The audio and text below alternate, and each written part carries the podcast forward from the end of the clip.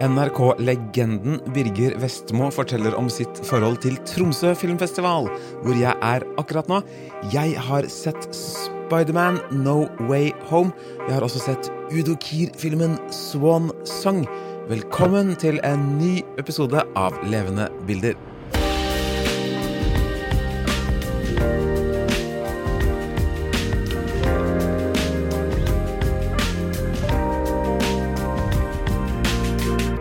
Ok, Jeg kan kanskje begynne med å innrømme at jeg ikke er den største Spiderman-fanen. Jeg eh, var borti de første filmene de med Toby Maguire som ganske fersk eh, anmelder. Ga vel de litt sånn ja, svake firere, sterke treere i min tid. Før den tid, da, som barn, så husker jeg jo Spiderman, eller Edderkoppen, eh, som han het, gått fra tegneseriene.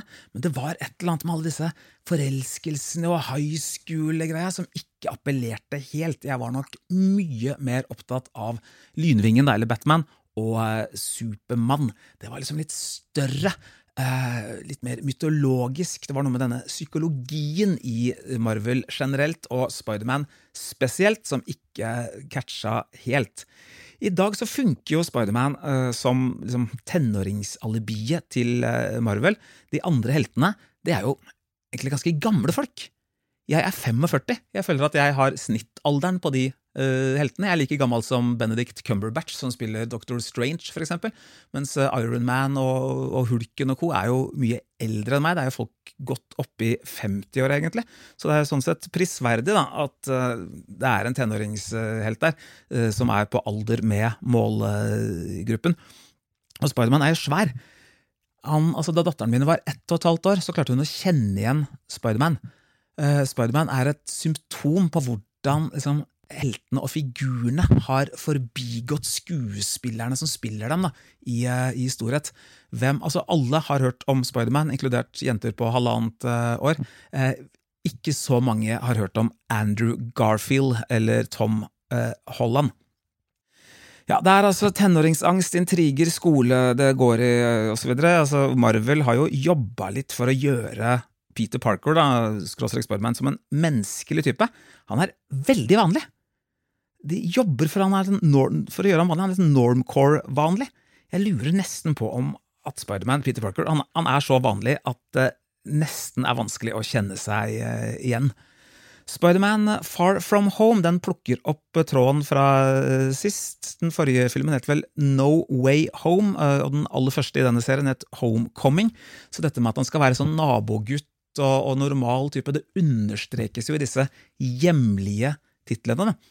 I uh, forrige film så ble identiteten hans avslørt i kamp mot Mysterio, noe som skaper en hel haug med problemer for stakkars Peter Parker slash Spiderman.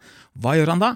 Jo, denne joviale nedpå-nabolagshelten han går til den personen i Marvel-universet som er minst jovial, minst nedpå og minst sånn nabolagsvennlig type, nemlig nettopp Dr. Strange.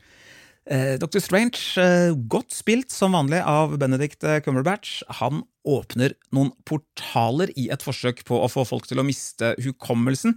Dette prosjektet går ikke så bra. Det kommer nemlig folk fra andre Spiderman-filmer inn i den nye filmen. Og da snakker jeg om nettopp Andrew Garfield og Toby Maguire-Spider-mennene.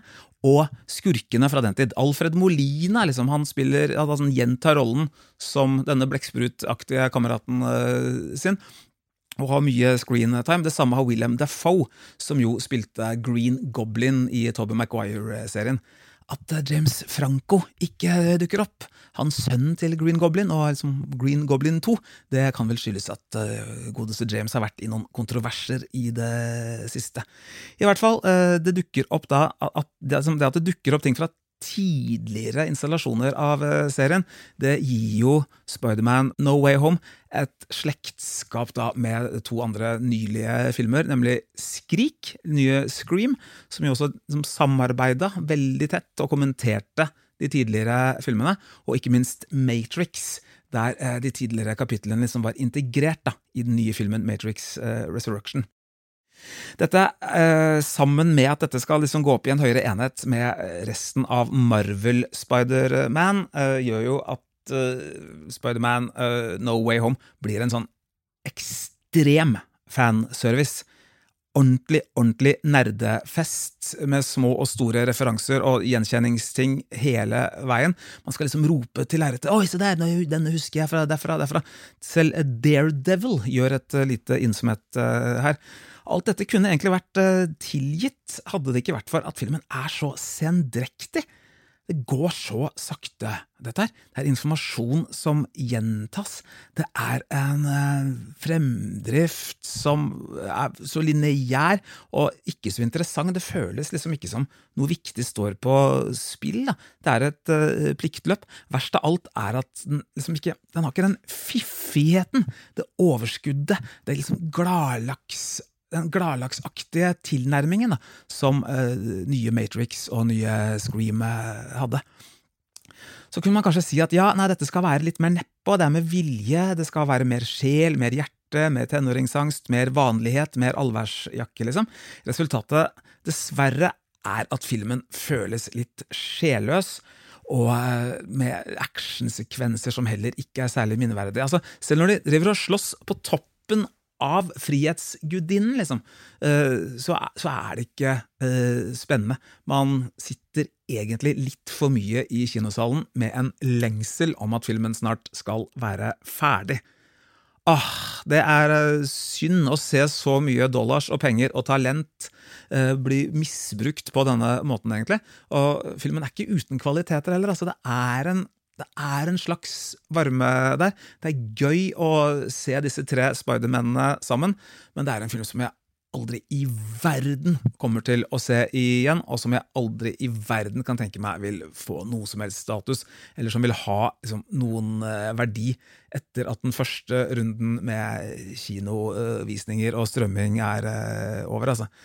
Ja, den prøver hardt å være varm, den prøver hardt å gi fansen akkurat det de vil ha, Dessverre så kunne den prøvd enda hardere å lage actionsekvenser, eh, og denne prøvinga gjør den til en desperat streit-film som dessverre ikke fungerer optimalt, altså.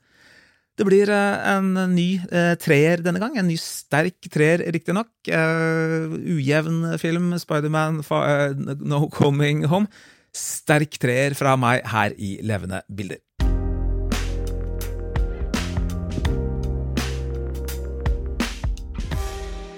Jeg er i eh, Tromsø, nærmere bestemt på Amtmannens eh, etterfølger, hvor jeg sitter på bord sammen med min gode venn og forbilde og eh, holdt på å si anmeldermentor, Birger Vestmo.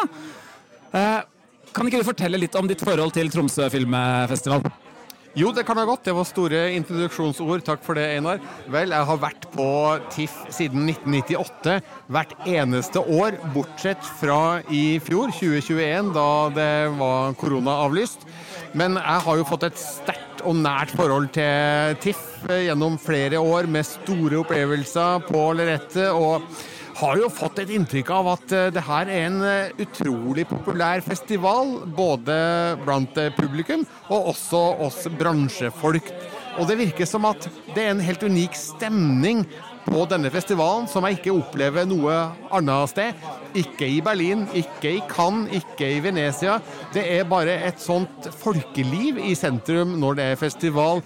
Og det er en filminteresse og en varme å spore da i eh, bybildet, som jo da kanskje er akkurat det Tromsø trenger i januar hvert år. Men eh, det virker som om hele byen er i filmens tegn under denne festivalen, og det er jo en av grunnene til at jeg kommer tilbake år etter år. Du har jo vært med i brorparten av disse festivalårene. Har du noen eh, gode minner som du har lyst til å dele? Ja, definitivt. Jeg fikk jo en av mine store festivalopplevelser et av de første årene jeg var her. Um, gikk på den aller første visninga som var mulig å gå på etter at jeg ankom byen. Eh, det viste seg å være en film som het 'Audition', av en filmskaper jeg ikke ante noe om på det tidspunktet, som heter Takashi Miike. Ja, og den starta jo som en eh, romantisk eh, komedie slash drama men midtveis så endrer den totalt karakter og blir voldsporno av aller, aller verste sort. Og dette var midt på formiddagen, og jeg satt der omtrent med kaffen i halsen over det jeg fikk eh, se. Og det var kanskje kickstarten da, for eh, mitt kjærlighetsforhold til TIFF som en festival som kan tilby film jeg overhodet ikke hadde forventa å få se på norske kinolerret. Hva har høydepunktene vært i åra, syns du? Du, høydepunktet har vært å se Mia Hansen Løves debutfilm All, uh, All Is Forgiven, som jeg ikke hadde sett før. Den ble da vist på 35 mm film i ærverdige Verdensteatret, som er Norges eh, eldste kino i uh, fremdeles drift. Og det å se en film på 35 mm, det er jo i seg sjøl en begivenhet, fordi det får man jo ikke gjort stort sett. Nå er det jo digitalt over hele linja. Så det å kunne sette seg ned i ærverdige Verdensteatret på den beste plassen, nemlig midt på rad én, og se en film på ekte film, det syns jeg var helt utrolig gøy.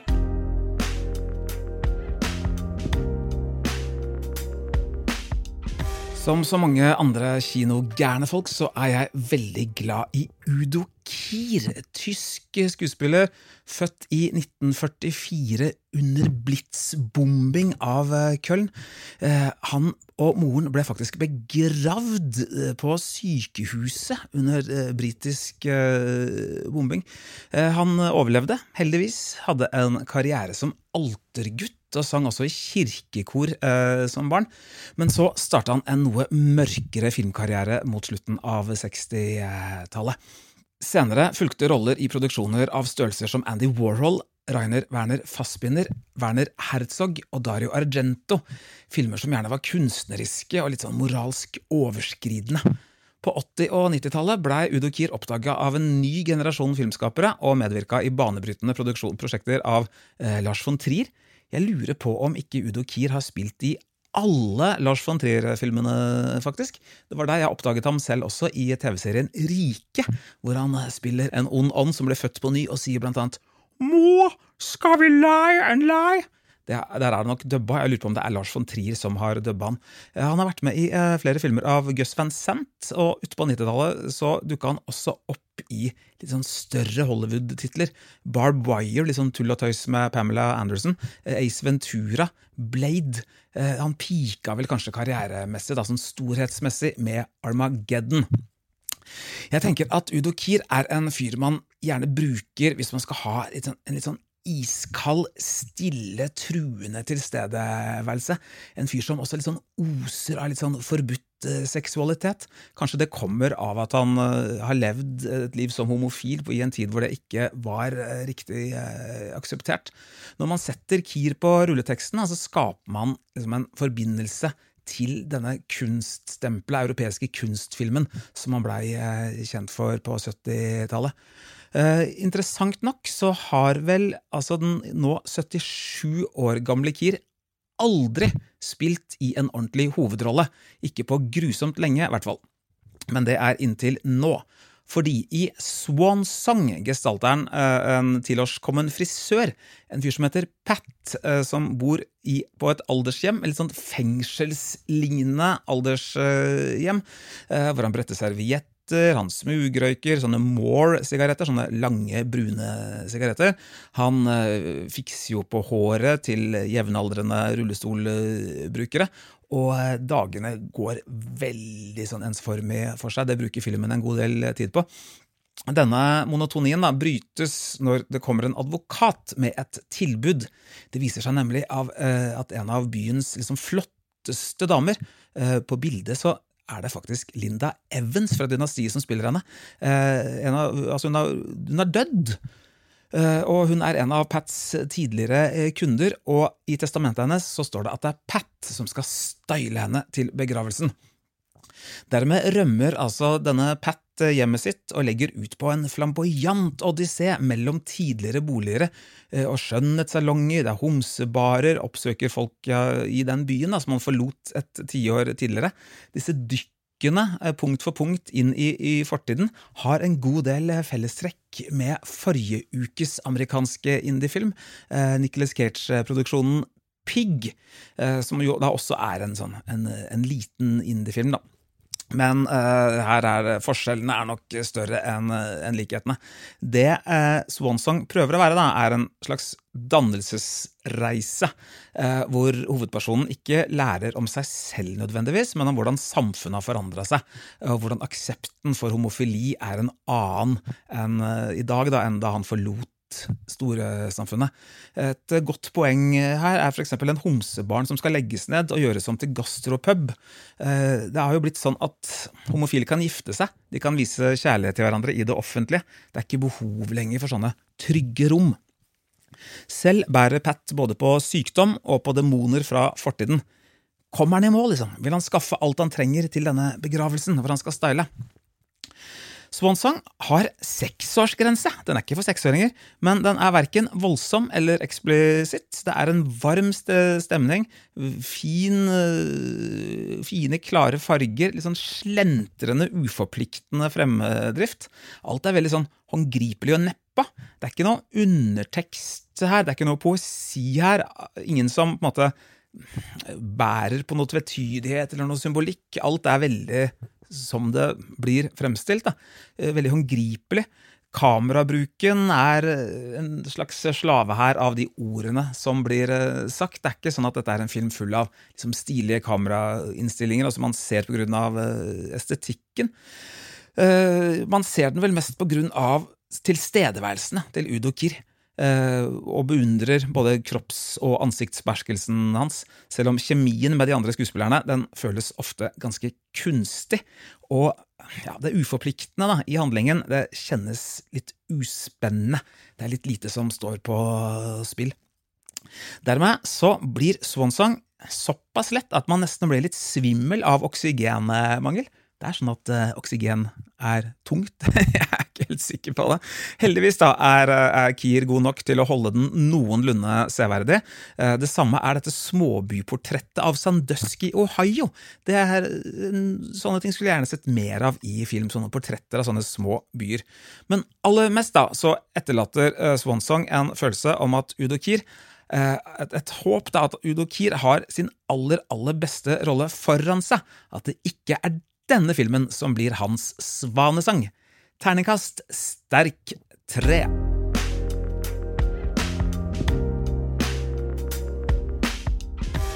Tusen takk til Birger Vestmo.